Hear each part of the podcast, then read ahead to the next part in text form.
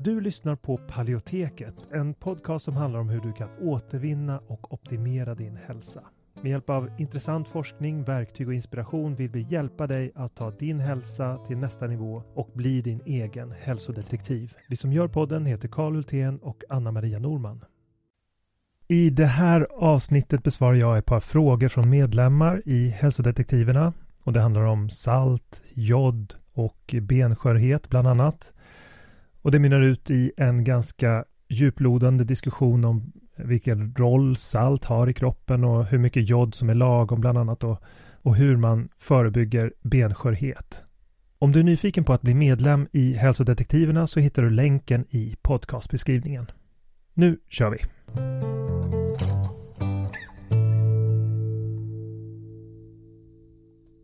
Nu ska vi prata om salt. Yes. Eh, Det kommer ju lite, frågan kommer nog lite av att vi har pratat om salt in, under hälsoutmaningen bland annat.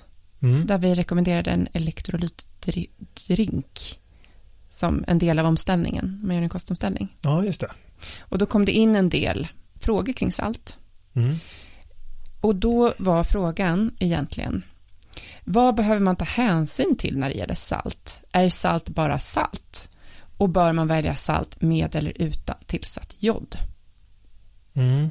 Men det var ju lite mer där. Ja, men det var det, men hon skrev ju så långt. Ja. Ehm, hur påverkar salt kroppen och vilket salt är bäst att välja? Jag har POTS och äter cirka en och en halv tesked salt per dag. Vad ska jag då tänka på? Ja. Ehm, om man äter en och en halv, ja men då får det vara ordinerat av läkare. Det är lite mer än vad vi rekommenderar. Eh, Ett och ett halv, en och en halv tesked motsvarar ungefär 11 gram salt, vilket är mer än vad vi rekommenderar. Ja, men hon hade ju det, tror jag faktiskt. eh, Ja, Som precis. jag kommer ihåg Och- det eh, från läkare, Ja. För att hon har POTS. Ja, men salt, eh, är salt bara salt? Ja, alltså om man säger om man ska ge en överblick av vad salt är för någonting så säljs det i två huvudformer. Och det är havssalt, där jag inkluderar Himalayasalt eftersom det är bara torkat havssalt. Eller eh, vad ska man säga, fossiliserat havssalt. Eller joderat eh, fabriksproducerat salt och som har klumpförebyggande medel och jod tillsatt. Så salt och i övrigt där så är ju, jag menar, natriumjonerna som finns där och kloridjonerna. Salt är ju som bekant natriumklorid och natriumjonerna och kloridjonerna är precis de samma. Det är bara det som kommer med saltet som skiljer. Som- Mineralerna, de övriga mineralerna. Ja, det innehåller inte mycket andra mineraler. Det är lite av en myt. Mm. Alltså att det, eh, inte havssalt heller. Eh, fördelen med havssalt eh, skulle jag säga en annan. Att, nämligen att det, det är en möjlighet att få i sig salt utan att få i sig så mycket jod. Eh, för Sverige har varit väldigt tidiga med att jodera saltet och Livsmedelsverket går ju ut med rekommendationer till restauranger och eh, färdigmatproducenter om att använda joderat salt i sina produkter. Så i ostar och i färdigmat och i restaurangmat så används joderat salt. Och det betyder att svenskar får i sig betydligt mer än, ja men någonstans över, ja någonstans runt 8 gram. Nu har jag inte kollat upp det inför. Jag vet att britterna får i sig 8,5 gram. De äter lite mer du har processat. skrivit det där i kokbok för sköldkörteln. jag Ja, har inte kollat upp det jag nu. kan inte komma ihåg allting. Men Mm. de flesta äter lite, ganska mycket de som äter processad mat. Men äter man eh, kanske eh, paleo eller AIP eller keto, karnivor. Jag menar, då är det ju inte processad mat. Och då finns det inget joderat salt i. Utan då, då är allt salt som du äter tillsätter du själv. Så då blir det att man kanske hamnar i att äta lite för lite salt. Ehm, men vi, ska komma till det om en stund. Jag tänkte först bara beskriva just det här med joderingsprogrammet, vad det innebar för någonting. För att det joderingsprogram som vi genomförde i Sverige från 1936 och framåt, det har genomförts senare på andra ställen i världen. Och då har man sett hur det påverkar förekomsten av sköldkörtelsjukdom, av hypotyreos och autoimmun, autoimmun sköldkörtelsjukdom är ju den främsta orsaken idag till hypotyreos. Man har sett i flera länder som Grekland till exempel, eh, Kina som hade joderingsprogram på 90-talet eh, och eh, Turkiet och en lång rad andra länder hur för mycket jod leder till hypotyreos och autoimmun sköldkörtelsjukdom. Och det är den största gruppen. Det är hundratusentals kvinnor som lider av det i Sverige. Den största autoimmuna gruppen. Och därför tycker jag att det är värt att lyfta lite det här med rekommenderat dagligt intag. För att om de flesta svenskar får i sig mer än 6 gram, om vi säger att de kanske inte ligger så högt som britterna, men, men jag tror att i och med att läk, eh, i och med att Livsmedelsverket rekommenderar att alla ska försöka minska sitt intag, gärna ner till 6 gram eller mindre, så lågt som möjligt egentligen, eh, enligt deras rekommendation. Det finns inget, ingen bottennivå i deras rekommendationer. Eh, så betyder det att de flesta ligger idag över 6 gram. Och då, om man äter joderat salt i de mängderna, då får man i sig betydligt mer än vad rekommendationerna är.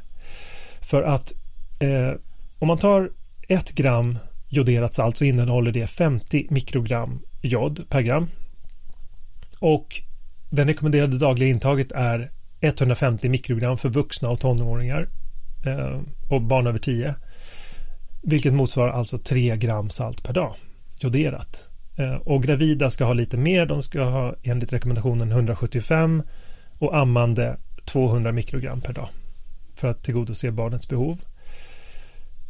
Och det betyder att om man äter, säg att man äter 11 gram per dag, då får man i sig 550 mikrogram, alltså typ fyra gånger rekommenderat dagligt intag. Och det blir för mycket. Så det är viktigt att komma ihåg att jod finns inte bara i salt. Och man kan inte äta hela sitt rekommenderade dagliga intag eller mer från bara joderat salt. Alltså det blir för mycket, då blir för mycket. Så jod finns det även i fisk och skaldjur och äggula och i mejeriprodukter. Så om man äter dem eh, rikligt av exempelvis Ja, säg att man äter torskfilé, då får man i sig 200 procent av rekommenderat dagsintag på bara 100 gram. Så äter man det några gånger i veckan, då är man uppe i ett ganska högt intag. Säg att du äter det tre gånger i veckan, ja, då har du jod så det räcker. Eller att man äter eh, exempelvis ja, men alla de magra fiskarna som eh, torsk, eh, eh blåmusslor innehåller väldigt mycket. Eh, löjrom innehåller mycket, sej, eh, kräftströmming, hummer innehåller extremt mycket. Det innehåller 500 procent av rekommenderat dagsintag. Och eh, äggula innehåller, alltså eh, 100 gram äggula innehåller 80 procent av dagsintag. Ja, mm. så äter man mycket fisk, eh, äter man det dagligen behöver man inte ha något joderat salt. Nej, men precis. Så därför tycker jag att det, man behöver ha båda hemma. Mm. Så att vi har ju mest havssalt. Vi använder mest havssalt. Mm. Och lite grann ibland använder vi joderat salt. Så det, det beror på hur mycket fisk man äter. Men mellan 1 och 3 gram beroende på hur mycket fisk man äter per dag. Mm. Så om man inte äter någon fisk alls då kanske det är 3 gram. Um, mm. Och äter man mycket fisk så kan man gå ner till 1 gram eller inget alls. Precis. Och bara äta havssalt. Um, och då slipper man ju också få i sig det här klumpförebyggande medlet. Precis, för det är ju utmaningen i eh, det här vanliga bordsaltet. Ja. Alltså om man tänker att man äter AIP och man vill äta helt utan tillsatser. Mm. Då finns det ju faktiskt lite tillsatser i vanliga bordsaltet när det inte är sådär eh, som havssalt, liksom kornigt så. Ja, precis. Och det är för att ja, annars suger åt sig vätska och så blir det klumpigt av det mm. och det är därför man tillsätter det. Det heter eh, natriumferrocyanid men det finns inga kända hälsorisker med det och jag är inte speciellt orolig över det, är väldigt små mängder. Ja, vi har försökt söka på det och se om vi hittar några finns hälsorisker. Det finns inte inga. några kända hälsorisker. Men, men samtidigt, eh, vi äter ju väldigt lite av det men främst på grund av jodinnehållet. Jag vill mm. inte att eh, vi ska få i oss för mycket jod. Mm. Om men det inte är krigstid inte... och, och det faller en atombomb över landet kan då äter vi fram jodtabletterna. Då tar vi jättemycket jod. Ja. Men, men det är också bra att få i sig jod, måste vi säga. Alltså om vi pratar sköldkörteln så ska man få i sig ja, jod. Absolut. Ja, absolut. Det är superviktigt med jod mm. därför att eh, jag menar globalt sett så är ju jodbrist en allvarlig eh, orsak till hypotyreos. Mm. Så att hypotyreos och autoimmun hypotyreos det orsakas ju av för mycket jod förmodligen. Mm. Det är en bidragande orsak parallellt med genetiska faktorer etc. etc. Men det är fortfarande så att om man äter för lite så kan kroppen inte producera sköldkörtelhormonet eftersom mm. jod är aktiv del av det. Mm. Vi har mm. en artikel på bloggen som heter jod, gift eller näring mm. som kommer ur kokbok för sköldkörteln där du tar upp de här grejerna också. Ja, just det. Um, så det kan man ju läsa lite mer där. Men vi skulle gå in på lite varför salt är så värdefullt ja, också. Ja, det är ju jättebra med salt. för att, det, ja, varför är det så bra? För jag, jag brukar börja dagen med att ta en, ett gram salt, havssalt i, i vatten och blanda med lite magnesium och eh, eh, citron och dricka det. Eh, för att de, de flesta känner ju ett, ett sug, tror jag, efter salt. Särskilt om man tränar mycket eller man svettas mycket så får man ett sug efter salt. Och det som de flesta säkert kommer ihåg är att eh, man blir törstig. Om man, dricker, om man äter mycket salt så blir man ju törstig. Och det är för att salt tar med sig vatten in i kroppen och binder det där. Och det är det som också har lett till de här rekommendationerna om att man ska minska på sitt intag av salt. Eh, eftersom det då kan höja blodtrycket. Nu har jag, jag mäter ju mitt blodtryck mm, då och då och det är väldigt bra trots att jag äter väldigt mycket salt. Ehm, men i alla fall så finns det idag ehm, det finns idag studier som visar eh, på samband mellan dödlighet av alla orsaker och intag av salt. Och de studierna är inte så entydigt eh, negativa till salt som de tidigare farhågorna har liksom pekat på. Och det man ser är att eh, när man äter eh, exempelvis 2,3, alltså 2300 milligram natrium, vilket motsvarar 5,8 gram salt per dag, så ligger den lägsta risken precis där, runt 6 gram per dag i intag. Lägsta risken för? För eh, dödlighet, alltså det här är en korrelationsstudie, ska man, mm. det här är inte en klinisk studie. Och det går inte att göra kliniska studier på saltintag, för det är, liksom, det är för långa tider vi pratar om och det är för svårt att mäta. Men, men alltså att äta för lite salt. Alltså vad man såg var att när man äter mindre än 3 gram per dag så såg man en tendens till ökad dödlighet i den här studien. Ehm, och det finns också andra studier som visar där, där man har hjärtinfarktpatienter som får olika vätskeersättning med olika mycket salt. Att de med vätskeersättning med mer salt klarar sig bättre, alltså de får, får eh, färre komplikationer och bättre utfall när man gör studier på den gruppen, alltså personer som har hjärtproblem. Och en bakgrund till det är ju naturligtvis att hjärt-kärlhälsa hänger samman med vätskebalansen. Alltså att celler behöver ju ett flöde av vatten Eh, in och ut ur cellen och utan tillräckligt salt så kan inte det utbytet ske effektivt. Och det påverkar hjärta och kärl negativt så att blodet, blodet inte flyter på lika enkelt. Eh, ett annat område som också salt är väldigt viktigt för är ju naturligtvis nerv, hela nervsystemet eftersom nerverna använder elektrolyter för att, eh, för att eh, skicka vidare nervsignaler. Alltså flöden av natriumjoner och kloridjoner eh, sker över membran. Natriumjoner sker över membran så att, så att nerverna fungerar som de ska. Och det är också bakgrunden till att om man ställer om sitt saltintag väldigt hastigt, alltså från ett högt till ett lågt, då kan i alla fall jag märka hur jag får lite så här känningar av kramp och det är ju för att det sker en förändring i hur nerverna kan aktiveras. Så natrium behövs för nervfunktion. Och natriumklorid eller salt behövs ju också för matsmältningen i och med att kloridjonerna i eh, natriumklorid används för att producera saltsyra i magen. Och saltsyra behövs för att eh, eh, desinficera maten vi äter från bakterier, göra så att vi inte får maginfektioner och även bryta ner proteinet i maten. Så saltbrist kan påverka eh, matsmältningen negativt också. Och det finns också vissa studier som tyder på att eh, det kan påverka humör, alltså att när man äter på tok för lite salt, när man har saltbrist så, så får man också en kognitiv påverkan och, och sämre humör. Det var en studie från 2010 som jag hittade som gick in på det. Men så vid sidan av allt det här så är salt också viktigt för att det, när man äter tillräckligt med natrium så, så kan också kroppen behålla tillräckligt av, eh, av kalium, kalcium och magnesium. Det stannar kvar i kroppen istället för att filtreras ut med njurarna.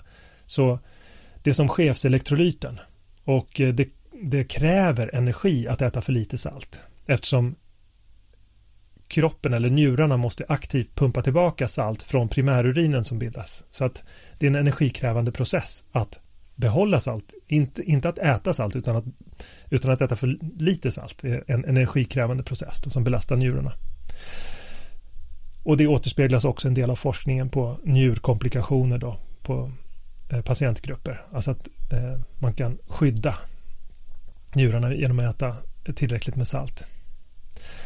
Men så eh, slutsatsen är väl att vi behöver få i oss omkring 4-6 gram salt per dag. Och det rekommenderar vi att man får i sig främst från havssalt men också joderat salt i, må, i den mån man äter fisk eller inte. Så de, de, som äter mycket processad mat kanske behöver minska sitt saltintag eh, och komma ner i 6 gram. De som äter en artriktig föda som kanske är LCHF, paleo, AIP, karnivor eller liknande kanske behöver öka sitt saltintag lite grann för att komma upp i. Inte LCHF om de äter väldigt mycket ost. Ja, just det. ja, det har du rätt i. LCHF, de får minska med tanke på de ostbrickor jag sett där. Nej, men ehm, ja. Nej, men det är ju eh, naturligtvis eh, bra att äta salt, men inte att få i sig så mycket jod som följer med om man äter konventionellt salt, joderat salt. För, för mycket av det är inte bra. Sen också om man svettas mycket eh, och, eller har saltsug så bör man öka sitt intag och vara uppmärksam på hur man mår också vid olika saltintag. Alltså det är inte ovanligt att man mår sämre om man äter för lite salt. Och när man bara tar ett glas med ett, ett eller två gram salt tillsatt, lite citron, kanske lite magnesium, så eh, mår man bättre direkt och känner en energikick av det som kvarstår. Och då är det ju ett eh, tecken på att man kanske fick för lite salt eller för lite vatten eller både och. Och, ett eh, gram salt, det är ungefär ett kryddmått eller? Ja, precis. Mm.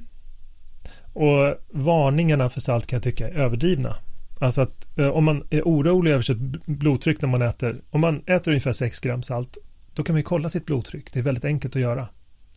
För det är egentligen enda anledningen till att de har den här hypotesen om att det skulle vara farligt med salt. Mm. Då skaffar man en blodtrycksmätare och sen så gör ja. man det regelbundet. Ja, men precis. Det är mm. väldigt, väldigt, väldigt enkelt att göra. Mm. Så, ska vi gå vidare till nästa fråga? Ja, nu drar jag av ganska frågor. många frågor här. Jag funderade lite på om vi skulle suttit? ta nästa fråga till ett nytt avsnitt. Det, salt kändes nästan som det kunde få bli ett eget avsnitt. Det var så himla Men kan inte, jag kan, kanske tycker jag kan svara lite kort på sista frågan och så kör ja. vi alltid ett avsnitt ändå. All right, då kör vi sista mm. frågan då. Um, jag undrar, uh, Ulla-Britt undrar om det finns några tips på hur man ska förhålla sig vid benskörhet och när det gäller att ta bort mejeriprodukter i AIP och paleo. Mm. Ska jag läsa mer om hennes bakgrund? Eller ska vi förhålla... jag kan, ja, men hon medicinerar med eh, eh kalci, det är kalciumtabletter och Alenat. Det är Alendronat. Det är då en, en benskörhetsmedicin. Mm. Och hon har eh, RA. Just det. Eh, och hon planerar att eh, påbörja AIP. Hon äter medelhavskost, men mm. undrar lite kring det här då. Och om man kanske behöver tillföra kalk i kosten vid diagnoser som osteoporos. Ja. Ah. Ja, men det är väl intressant. Alltså det, det hon då får eh, är det som sjukvården har gett henne är en, ett medel som hämmar de celler som bryter ner benstommen. Alltså det är en hypotes om att det finns ju då två typer av celler som hanterar benen och de ombildas ju hela tiden. Det är osteoblaster som bygger på mer benmassa och osteoklaster som bryter ner. Och alendronat som hon får då, alenat, det, bry, det hämmar de celler som bryter ner. Och, och eh, det ska då ge en, en lätt eh, förbättring av benstommen. Eh, och dessutom de här kalciumtabletterna eh, Problemet med den här typen av, det, hela det här perspektivet på sjukdom är att det tar inte in, det tar inte in livsstilsaspekter överhuvudtaget. Och det finns väldigt många livsstilsaspekter när det gäller osteoporos. Jag menar, det finns några saker som inte kan förändra. Det finns saker som kön till exempel, det är kvinnor som drabbas. Eh, ålder, det är en ålderssjukdom. Det finns också eh, vilken befolkningsgrupp man tillhör. Vita och asiater har har benskörhet medan svarta inte har det. Eh, familjehistoria, det finns genetiska eh, aspekter av det. Och sen om man är väldigt småväxt. Men det vet jag inte om det är på grund av att man är väldigt liten eller om det är att man har haft absorptionsbesvär under hela sitt liv då kanske. Att det är bara en sån korrelation. Sen finns det också kopplingar till vissa könshormon som naturligtvis påverkar benstommen, alltså låga, sex, eh, låga könshormon. Eh, östrogen kan då eh, efter menopausen kan då eh, öka risken. Eh, när, när, man får lågt östrogen så ökar naturligtvis risken. Då. Så det, sen finns det också sköldkörtel. Det, det, finns en, det finns många olika saker som kan bidra. Men vad som inte tas upp överhuvudtaget det är ju saker som eh, mekanisk belastning av skelettet. Det är en otroligt eh, benmassehöjande insats att belasta skelettet. Framförallt ja, alla typer av aktivitet belastar ju skelettet. Men just styrketräning är unikt. Man kan bygga muskelmassa och benmassa med hjälp av eh, styrketräning som belastar skelettet. Så det är ett sätt att och då är det naturligtvis i det här fallet eh, att få kontakt med en sjukgymnast så att man kan få ett program för daglig aktivitet som funkar med symptomen. Eh, vid sidan av det så är D-vitamin en kofaktor för kalcium. Så att ta ett D-vitamintillskott ökar absorptionen eh, många gånger om av det kalcium man har i kosten. Så att utan att ändra kosten kan man öka upptaget till kroppen av kalcium genom att bara se till att ta ett D-vitamintillskott. Och det kanske hon redan gör. Men vid sidan av det så finns det också något som är helt bortglömt och som läkare aldrig pratar om och det är proteinintag. För vi vet att skelettet består till 50% av protein. Om man kollar till volymen av ett ben så är det 50% protein. Och det kom nyligen ut en metaanalys. Eh, 2018 kom det en metaanalys som gick igenom 20 studier med nära 40 000 deltagare som eh, då, där man jämförde allätare personer som äter protein, alltså äter kött jämfört med vegetarianer och veganer. Och både vegetarianer och veganer hade lägre bentäthet. Alltså i nacken och i ryggraden som är väldigt viktiga just vid, vid benskörhet. Och veganer hade också eh, kraftigt förhöjd eh, frekvens av frakturer, alltså benbrott. Så vad det här visar är ju att intaget av näring från, eh, från animalier, att protein bygger upp benstommen. Så det var väl de tre faktorer som på något sätt adresserar grunden till, eh, sen, eh, till att ha en sund benstomme. Det är att äta mycket protein. Eh, äta ordentligt med eh, fisk exempelvis. För att eh, det finns några källor som exempelvis sardiner och lax där man kan i konservform så finns benen med där och där kan man få i sig flera hundra milligram eh, Eh, Eh, kalcium bara i en enda portion. Och det, sen finns det också i olika typer av kolsorter finns det, eh, alltså om man ser till hur mycket som finns i mejeriprodukter så kanske du kan få ungefär, ja inte lika mycket som i mejeriprodukter, men du kan få ungefär hälften i, genom bladgrönsaker, genom sardiner och genom lax. Eh, och eh, även, det finns även kalcium i mandlar och sesamfrön. Och, eh, sen finns det i sellerikål, grönkål, bladkål och, och fikon finns det i rovor också. Och spenat finns det en hel del kalcium. Så vad jag vill säga är att eh, osteoporos handlar inte framför allt om brist på kalcium. Det är inte den primära orsaken utan det är saker som det är, det är en multifaktoriell sjukdom som har att göra med hormoner, som har att göra med näringsintag, som har att göra med fysisk aktivitet, och eh, som kan ha att göra med tarmhälsa. Man vet att eh, exempelvis personer som har, eh, får operera, vissa typer av operationer där man minskar storleken på magsäcken kan öka risken för benskörhet, alltså absorption. Ehm, och olika typer av behandling mot vissa sjukdomar då, som ehm, kortisonbehandling exempelvis. Och, ehm, alltså det finns en lång rad olika sjukdomar också som har samband med men det man kan göra själv är ju att förbättra sin kost, förbättra sitt vitaminintag och förbättra eh, belastning av skelettet. Och vid sidan av det få i sig eh, kalcium från bra källor. Mm. Och det är inte, sen um, om man redan tar ett tillskott så kanske det inte är nödvändigt att äta ost och mjölk.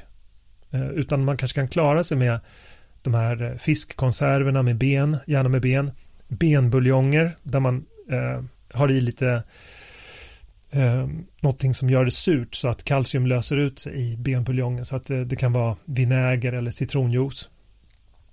Och sen att äta kolsorterna så finns det kalcium där också. Mm. Så att man behöver inte vara rädd för att eh, man slutar med mejeriprodukter då när man ska gå över till paleo eller AIP helt enkelt. Utan man, det finns andra saker att göra. Ja, man, kan, man kan få upp kalciumintaget på andra sätt. Mm. Men det blir ju naturligtvis svårare. Mm. För det, det, är inget som innehåller så här skyhöga nivåer som ost och, och ja, framförallt ost då kanske innehåller. Och mm. yoghurt och mjölk. Det är ju väldigt mycket. Och det är för att det är avsett för kalvar som växer och sådär. Men alltså det, det finns ju inte någon sån korrelation att benskörhet exempelvis existerar ju inte i många befolkningar eh, trots att de inte äter några mejeriprodukter. Så det, mm. det, som ensam faktor räcker inte för att förklara benskörhet utan det är multifaktoriellt. Mm. Jag tänkte på det där med eh, östrogen och hormoner och sånt där också. Mm. Eh, att jag tror att alltså så här, om man går med eh, hormonella besvär ja. att det kan vara värt att se över dem. Absolut, det är mm. också mm. en sån sak. Det finns ju behandlingar också liksom, ja. för, för det. Ja, absolut. Mm. Ja, men så det, är, det är väl lite alltså, skillnad i perspektiv. Jag kan tycka att där den konventionella vården bara försöker på något sätt ja, trycka ner en viss celltyp som ska bryta ner skelettet. Ja, den celltypen behövs ju mm. också. Jag menar, det, det, är ett, det är ett smalt synsätt som inte tar in livsstilen på ett sätt som är Man kanske ja, ska ta ett talande. samtal med sin läkare ja. kring behandlingen och fråga lite om alternativ. Ja, precis. Fråga vad han känner till om proteinintag. Fråga vad, hur viktigt är D-vitamin. Fråga hur viktigt är fysisk aktivitet och träning. Mm. Framförallt med vikter. Mm. Fråga, fråga, om det och då kanske man får ett bättre svar. Mm. Eh, för det krävs ju att man jobbar på flera fronter här. Mm. mm. Ja, men jättebra. Nu har vi betat av tre stora frågor. Ja. Det var gluten. Ja. Och sen var det, vad var det mer vi pratade om? Eh, sen var det, sen var det salt, salt. och jod. Mm, och sen så var det den här frågan kring mejeriprodukter, om man tar mm. bort det, om man har benskörhet. Ja. Ja, men då vi hörs snart igen. Vi hörs snart igen. Yes. Nu ska vi svara frågor. Mm. Mm. Hej då. Hej då. Tack så mycket för att du har lyssnat på det här avsnittet av Paleoteket. Vi hoppas att det har varit till nytta för dig. Om du vill få hjälp att uppnå dina hälsomål står vi redo att hjälpa dig. Vårt medlemskap Hälsodetektiverna är en gemenskap online där du träffar likasinnade, får hälsoinspiration hela året och kan ställa frågor direkt till oss på våra medlemsseminarier. Nu under våren startar också två onlinekurser.